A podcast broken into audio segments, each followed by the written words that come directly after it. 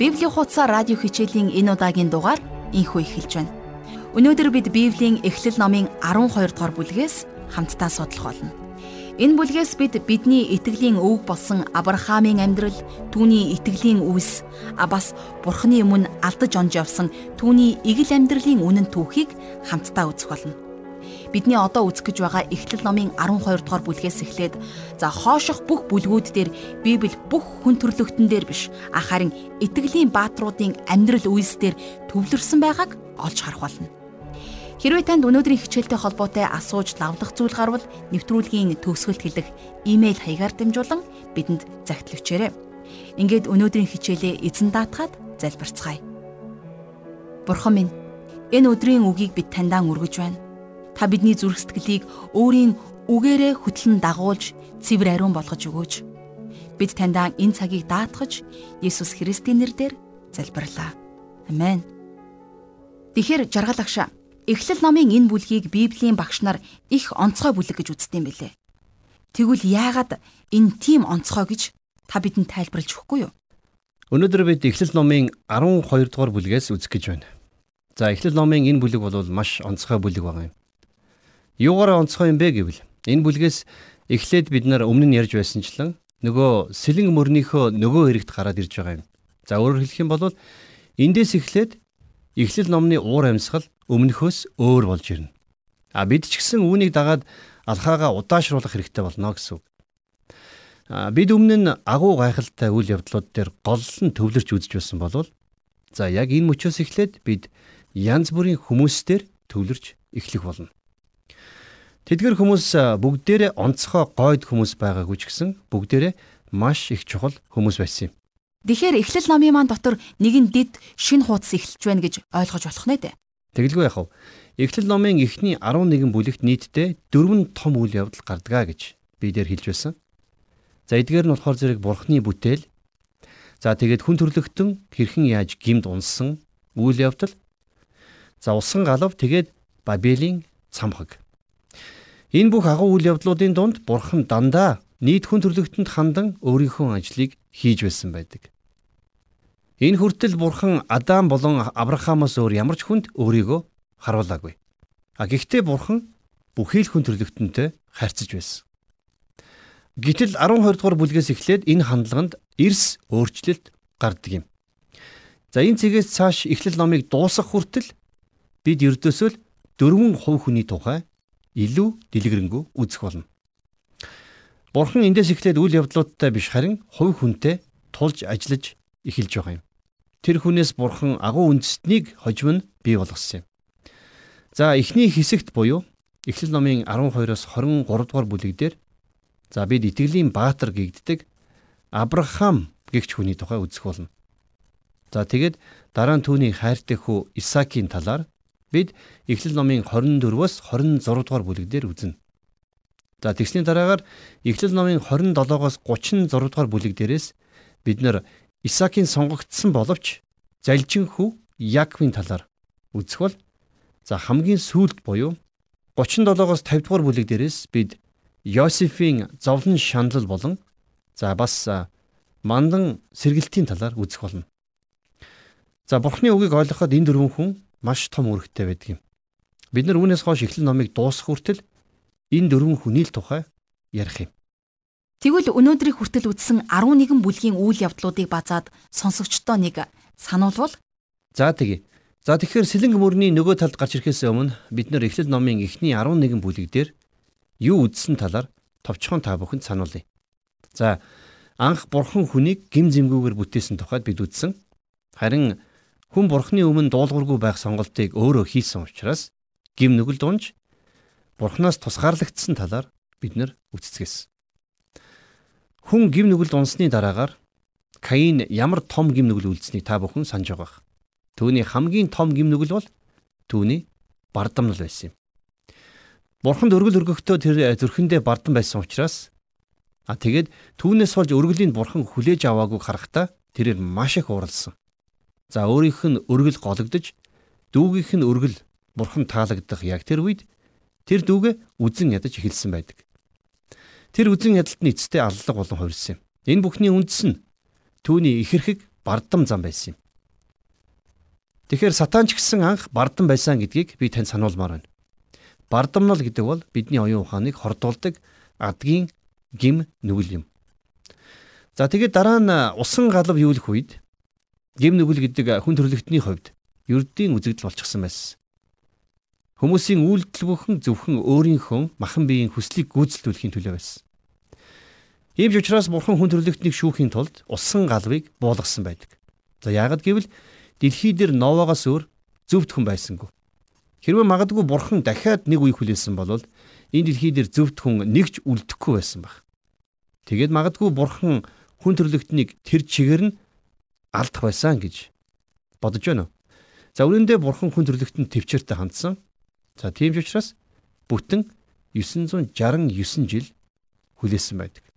Их урт хугацаа шүү. Үнэхээр урт хугацаа. Мэдээж урт хугацаа. За энэ бол Метуселагийн настай тэнцэх хугацаа. 969 гэдэг ямар ч хүний хувьд амьдралаа өөрчилөхөд за өөрийнхөө оюун санааг шинжилэхэд хангалттай хугацаа. Гэтэл хүмүүс бурхан руу эргэхийн оронд бурханы эсрэг явцгаас. Тэгээд усан галав юусны дараа юу болсон гэхээр Бабелийн цамхаг дээр болсон үйл явдал нь хүмүүс бурханыг үл тоосоор байсны илрэл болсон байдаг. Тэгээд Бабелийн цамхагаас хойш бурхан хүн төрлөختөнд биш харин хувь хүнд анхаарлаа хандуулж эхэлсэн юм. Бурхан тэрл хүнээс агуу үндэстнийг бий болгоод за чухам тэрл үндэстэнд бурхан өөрийнхөө илчлэлтийг өгөөд тэрл үндэстнээс өөрийнхөө аврагчийг босгож ирсэн юм. Бурхан түүнээс өөр зам байсангүй. Байсан байлаа ч гэсэн энэ бол хамгийн шилдэг, хамгийн сайн зам нь байсан. Ягд гэвэл бурхан зөвхөн хамгийн сайныг л үлддэг гэдэгт бид итгэдэг. Тийм биз? Тэгвэл одоо 12 дугаар бүлэг дээрээс гарах итгэлийн баатар Авраамийн талаар танилцуулаач. За тэгье. Ерөнхийдөө Эхлэл 12 дугаар бүлэг Бурхан Авраам гэдэг хүнийг дуудаж үгээ түүнд хэлж байгаагаар эхэлдэг юм. За тэгэхээр Бурханы сонгосон тэр Авраам гэгч хүн бол үнэхээр итгэлийн хүн байсан байна. Авраам бол энэ дэлхий дээр амьдарч байсан хамгийн агуу хүмүүсийн нэг байсан. Өнөөдөр тэгэхээр бид нар агуу хүмүүсийг яг юугаар хэмждэг вэ? За нэгдүгürt мэдээж нэр алдартай хүн байх тийм үү? Тэгвэл Авраам тухайн үедээ үнэхээр алдартай нэртэй хүн байсан. За магадгүй дэлхийн хамгийн алдартай хүмүүсийн нэг байсан. Одоо ч гэсэн энэ дэлхий дээр маш олон хүмүүс Авраамыг мэддэг. За тэрж битгийл дэлхийн томоохон гурван шашин за бүгд Авраамтай холбоотой байдаг. За үүнд тухайлах юм бол Юудын шашин, Лалын шашин, за Христийн шашин. Алдар хүндийн хувьд Авраам үнэхээр алдартай байсан. Өнөөдөр ч гэсэн алдартай хэврээл байна. За энэ нь Авраамыг агуу болгож байгаа бас нэгэн чухал чанар байгаа юм. За нөгөө төгөөр э, агуу хүмүүс юу н ямар байдаг вэ? Даруй төлөв өгөөмөр хүмүүсийг бид нар агуу хүн гэж тооцдог. Авраам өгөөмөр хүн байсан болов? Магадгүй Авраамаас өгөөмөр хүн гэж байхгүй байх. Яасан гэхлээр Авраам өөрийнхөө үеэлдүү Лоттойгоо Палестины нутагт эргэж ирээд Лоттой хүссэн зөвхтөө явж хүссэн бүхнээ аваарай гэж хэлсэн байдаг. За тэгээд үлдсэнийг нь би авъя гэж Авраам түүнд хэлсэн. Тэгэхээр ингэж тохиролцдог хүн гэж байх уу? За тэгээд дараагаар нь Содом Гоморагийн хаадад яаж өгөөмөр хандсныг та бүхэн мэдж байгаа. Дээрээс нь агуу хүмүүст байдаг бас нэгэн түгээмэл чанар байдаг.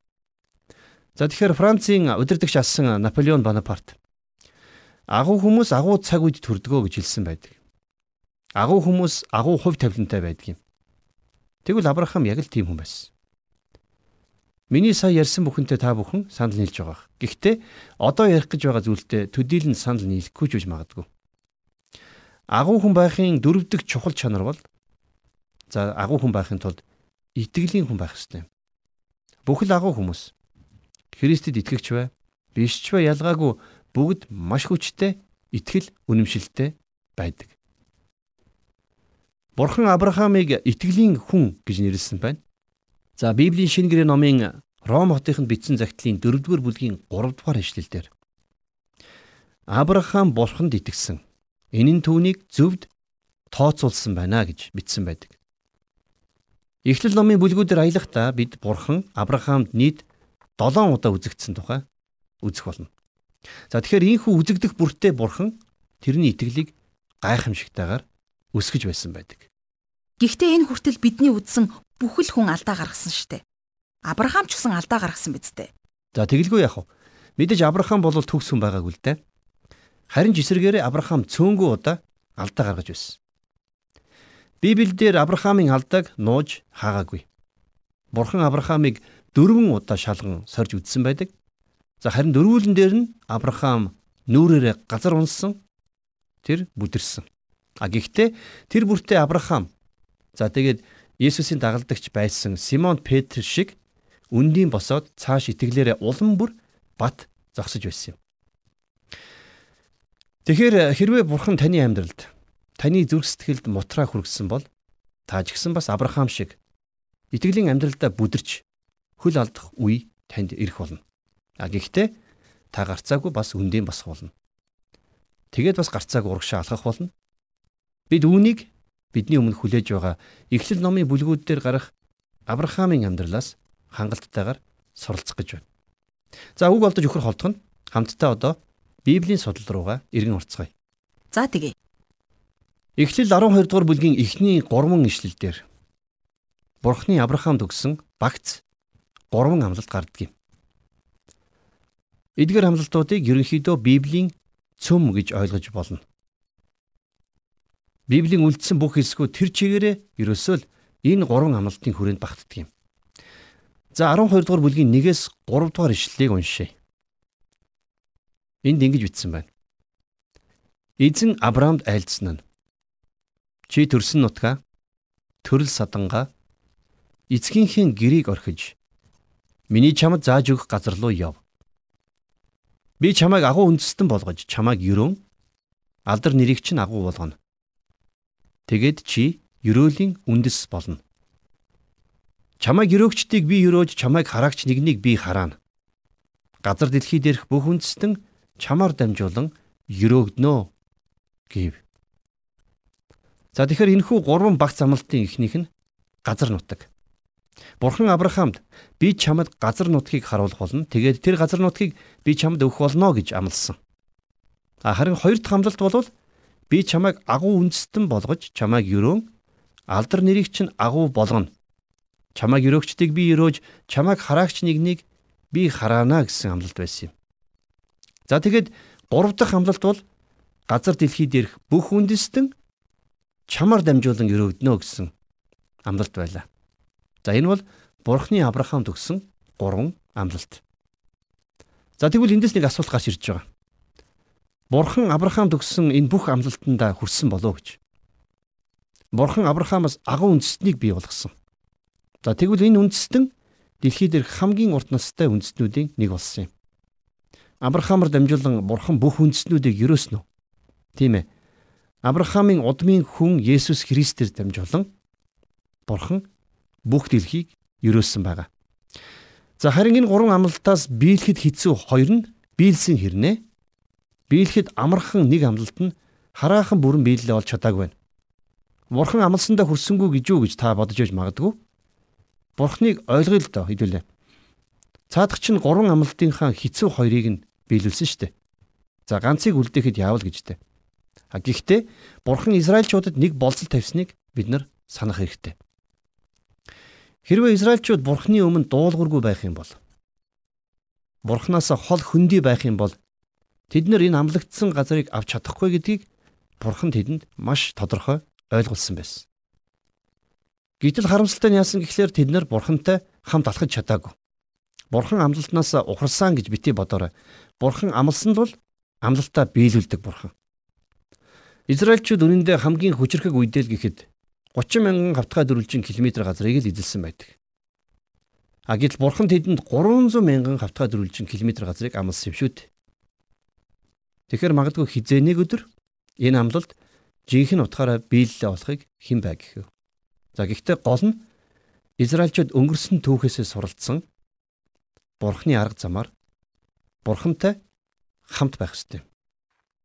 За тэгвэл одоо хамтдаа Бурхны энэ гурван амлалтын хариуд Авраам юу хийснийг ямар хариу үйлдэл үзүүлсэнийг одоо харцгаая. За нэгдүгээр ишлэлд эзэн Авраамд айлдсан нь гэж эхэлж байгаа.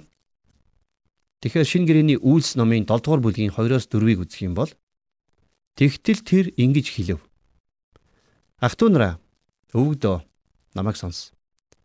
Бидний өвөг Авраамыг Харан нутагт сууршихаас өмнө түүнийг Месопотамид байхад нь алдрын бурхан түүнд үзэгдэж их нутаг төрөл садангуудаа орхи миний чамд үзүүлэх тэр газарт ир гэсэн. Тинхүү тэр халдэ нутгийг орхин Харанд ирж сууршсан.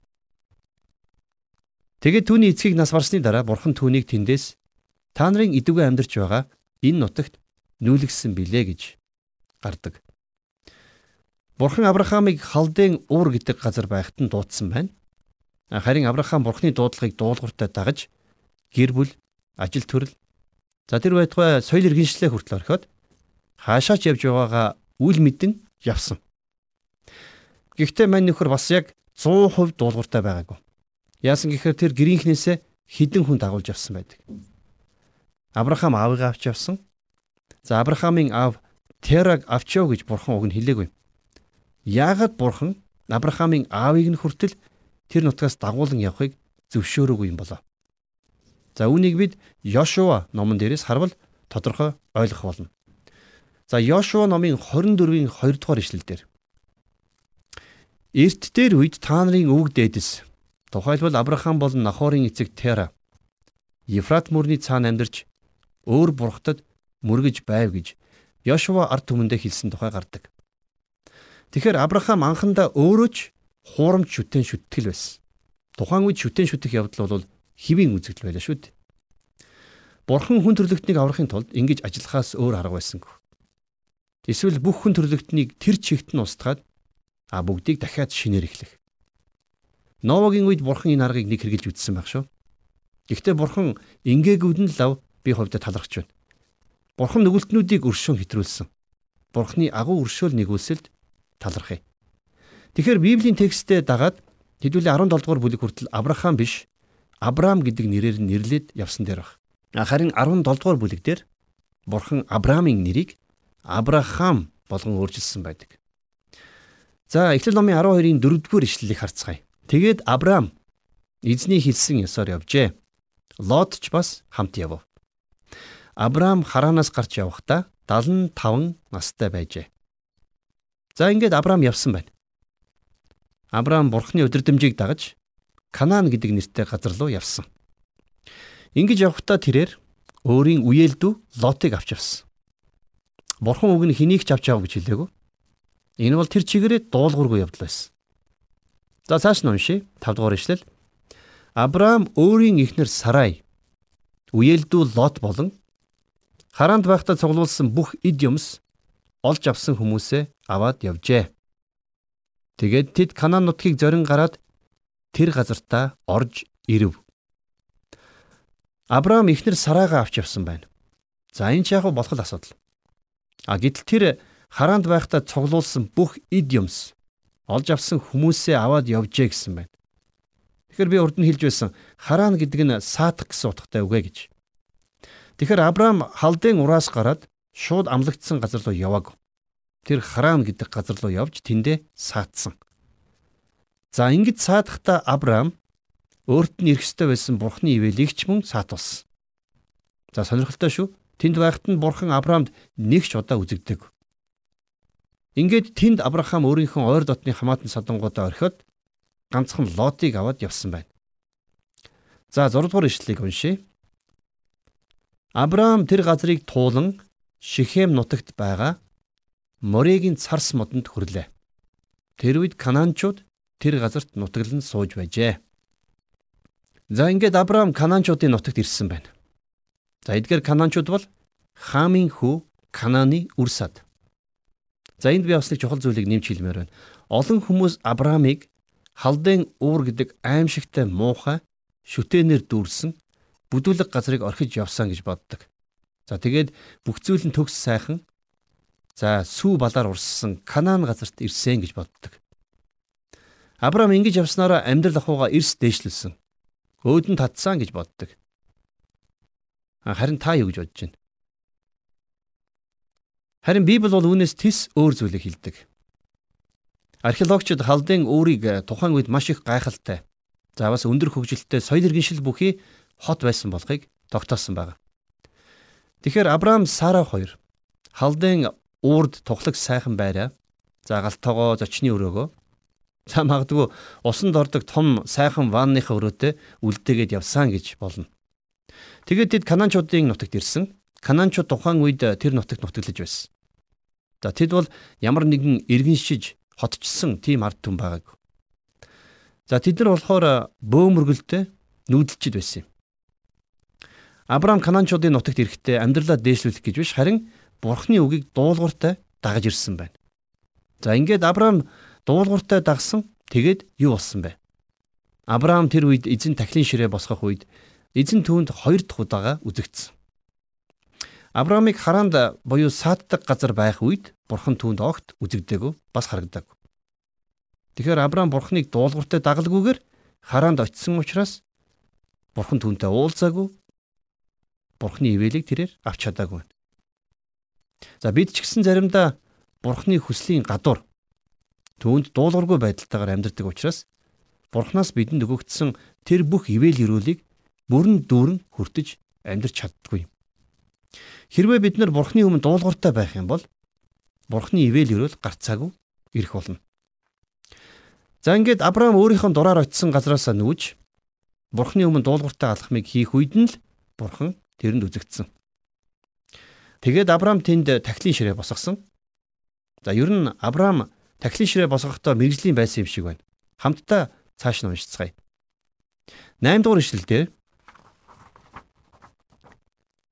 Тэндээсээ битэлийн зүүн талын уул руу хөдөлж битээлээс зүүн тийш аягийн баруун талд майхнаа босгожээ. Тэрээр тэнд эзэнт зориулан тахилын ширээг босгож эзний нэрийг дуудав. Авраам тэр нутагт ирээд хоёр зүйлийг хийсэн байгаа. Нэгдүгээрт нь тэнд яг л шин байрандаа нүүн ирж байгаа юм шиг майхнаа босгон тоглосон. За тэгээд дараа нь тэр тахилын ширээ босгосон. За энэ бол Авраамийн бурхан зориулсан гэрчлэл байсан юм. Авраам хаа явсан газартаа бурхан зориулсан гэрчлэлийг үлдээдэг байсан. Тэгэхээр найз минь танд өнөөдөр ямар гэрчлэл байгаа вэ? Та бурханы гэрчлэхийн тулд заавал гэрийнхэн үүдэнд том загалмай босгох шаардлагагүй. Эсвэл машин дээрээ томоор Есүс бол аврагч гэсэн бичиг хадах шаардлагагүй. Тэгснэ дүрм зөрчөөл хамаагүй давхиад. Гэхдээ энэ бол гэрчлэл биш. Авраам бурхныг чимээгүйхэн хүндэлсэнийг та мэдхүү. Авраам энэ тэрүүгээр бурхны талаар ярьж яваагүй юм. Гэхдээ л тун удалгүй Канаанчууд Авраамыг бурхан эзэнд итгэдэг болохыг олж мэдсэн байна. За 9 дугаар ишлэгийг харъя. Тэгээд Авраам цааш хөдөлж улмаар Нигев рүү оджээ. Авраам гэхдээ тэндээ удаан суугаагүй байна. Өмнө зүг рүү явсан. Илүү дулаан газар руу явсан гэсэн үг. Авраам яг нүүдэлчин монголчууд шиг нэг дорой тогтож чадахгүй байнга нүүдэлж явдаг хүн байсан. Одоо эндээ бид Авраамийн амьдрал тохиолдсон нэгэн хард тол болсон үйл явдлын тухай үзэх гэж байна. За 10 дугаар ишлэгийг харъя. Тэр газарт гам болсон учраас Авраам Египтэд төр суухаар тийшээ очив. Тэр нутаг маш их гамтай байжээ. Авраам уг нь Бурхны дуудсан газарт ирсэн байсан. Бурхан Авраамыг тэндээс яв гэж юусоо хэлээг. Гэтэл тэр газарт нь гам болсон байна. За магадгүй нэг өглөө Авраам майхныхаа хаягаар хараад Сарай хөгшөө майхна буулгаад нүүн байгаа. Бүгд л Египт рүү явж байна. Ганч улам гаархан шиг байна. Хөдлөх тухай бодно байгаа гэж хэлсэн баг. Сарай ч яах вэ? Чи л мэддэг шүү дээ. Гэдэл тэр хоёр нүүсэн баг. Авраам магадгүй хойд зүгт ган гачиг гаарч байна одоо улам бүр наашилж байна гэсэн сураг чимээ хүмүүсээс сонссон. За тэгэд тэд майхнаа ачиж аваад Египт рүү явцгаасан байна. Бурхан ингэж нүү гэж өрөөсө хэлээгүй гэдгийг бид мартаж болохгүй. Хамгийн сүүлд Бурхан Авраамд үзэгдэхдээ энэ бол миний чамд амласан газар. Би чамайг энд өрөөх болно. Чи өрөөлийн үндэс болно гэж хэлсэн. А гэтэл Авраам Бурханд итгээгүй байна. Авраам дур мэдэн Египт нутаг руу явсан. Библиэлд Египт гэдэг нь энэ дэлхийг өөрөлдөх юм бол бидний амьдарч байгаа энэ нийгмийг төлөөлж байдаг. Үнэн дээр энэ дэлхий рүү явах зам бидний эргэн тойронд хаасаагүй байдаг. Ялангуяа итгэгч биднийг Бурханаас холдуулах шалтгаан энэ дэлхийд мундахгүй олон. Олон олон итгэгчид нэгд өдөр ажилтай болохоор ням гарагт цуглаандаа явж чадахгүй нэ гэдэг. Үнэн дээр нэгд өдөр ажилгүй хүн гэж байхгүй л тэ. Тэгсэн хэрнээ өөр зүйлд бол зав гаргаад л байдаг. Сонин шүү. Хэрвээ Авраамыг Египт рүү нүүж явахад нь бид замданд тааралдаад "Хөөе Авраам, та буруу тишээ нүгэд байна. Нутагтаа үлдсэн дээргүй юу гэж хэлсэн бол тэр юу гэх байсан болоо. Нэг сайхан шалтгаан хэлхэл байсан байх та. Хонь маань бэлчих бэлчээргүй болоод байна. Ган гачиг дийлдэхэ байла. Тэнд очиод ердөөс удахгүй гэх байсан байх. Тэгээ тухайн үедээ ч Египт үнэхээр сайхан нутаг байсан л да. А гэтэл тэнд очингуудаа л тэд сараагаас болоод асуудалд орсон. За 11-ээс 12 дугаар ишлэгийг харъя. Тэрээр Египтэд ойртож ирэх үедээ эхнэр Сарайда өгүүлрэн Чи бол үзэгсэлэнтэй сайхан бүсгүй гэдгийг би мэднэ. Египтчүүд чамайг хараад энэ бол түүний ихнэр байна гэж хэлээд намайг алж чамайг амьд үлдээн. За сонирхолж хэлэх юм бол мөксөн тэнгисийн баруун хойд иргэн агуйнуудаас эртний хуйлмал бичээсүүд олноороо олдсон нь мөксөн тэнгисийн хуйлмал бичээс гэсэн нэрээрээ алдаршсан байдаг. За анхандаа үл итгэгч эрдэмтэд Библийг няцаах баримт оллоо гэж бодцгоосон. Гэхдээ аажмаар тэдний шүүмжлэл намжсан. Яагад гэхээр тэдгэр бичээсүүдээр Библийг няцаахаар баримт байгаагүй. Тэдгэр хуйлмал бичээсүүдийн нэгэн дээр Библийн Эхлэл номын 12-оос 15 дугаар бүлгийн тайлбар олдсон байдаг. За тэгэхээр тэндээс олдсон 12 дугаар бүлгийн тайлбар дээр Сарагийн гоо үзэгслэнгийн талаар онцгойлонд ордсон байдаг. Сарай бол үнэхээр үзэгслэнтэй сайхан эмэгтэй байж. За 17 дугаар ишлэлдэр бурхан Авраамд босоод энэ газар нутгаар хөндлөн гулд явж үз. Учир нь би түүнийг чамд өгнө хэмээн айлдсан байна. Тэдгэр хуйлмал бичээсүүд дээр тухайн үед тэр Канаан газрыг ямар сайхан газар байсныг мөн дурдсан байдгийн байна л. Харамсалтай нь өнөөдөр тэр нутагт жуулчлаад очиж үзэх юм бол за яагаад тухайн үед сүү балаар урссан газар гэж нэрлж байсныг бид нэр төдийлөн ойлгохгүй. Яагаад энэ газар нутаг ингэтлээ доройтсон шалтгааныг бид нар хуучин гэрээний дид хууль гэдэг номон дээрээс олж уншиж чадна. Гэхдээ ямар ч байсан Авраамийн үед бол тэр нутаг үнэхээр сайхан нутаг байсан баг. Гэтэл тэр нутагт нь ган гачиг нүрлэж Авраам Египт рүү нүүхээр шийдсэн. За тэгээд Авраам Египтэд дөхөж ирээд эхнэрийнх нь гов үзэгслэнгээс болоод өөрийнх нь амнаас аюулдарж болохыг ойлгосон байна.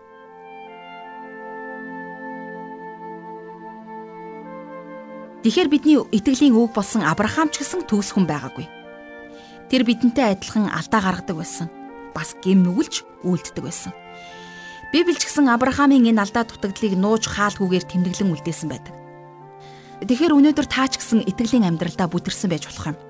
Бурхны битгий хий гэсэн зүйлийг хийж битгий яваараа гэсэн зүг рүү алхаад явсан байж болох юм. Гэхдээ хэрэг бид Бурхны өмнө чин сэтгэлээсээ гимших юм бол Бурхан биднийг уучлана гэж Библи биднийг сануулж бас урамшуулдаг шүү дээ. Хэрвээ та бүдэрсэн бол Бурхны өмнө итгэлээрээ босон зогсоорой. Бурхан Авраамийн алдаа зөрчлийг уучилж түүний итгэлийг өдрөөс өдөрт шинчлэн хурцлж байсанчлан та бидний итгэл найдварыг ч гэсэн тийхүү хурцлах болно. Ингээд Бурханд хандаж залбирцгаая. Бурхан минь, та бидний сул дорой байдлыг, та бидний алдаа зөрчлийг мэддэг үлээ өдөр бүр биднийг урамшууланд итгэж итгэлээс итгэл өд хүчрхэгжүүлж өгөөч гэж бид залбирч байна. Бид Авраам шиг итгэлийн хүн болохыг хүсэж байна. Та биднийг өөрийн үгээрээ дамжуулж шинчлэн сэргээж өгөөрэй. Бид хамтдаа бүхий л амьдралаа танд өргөж Есүс Христийн нэрээр залбирлаа. Амен.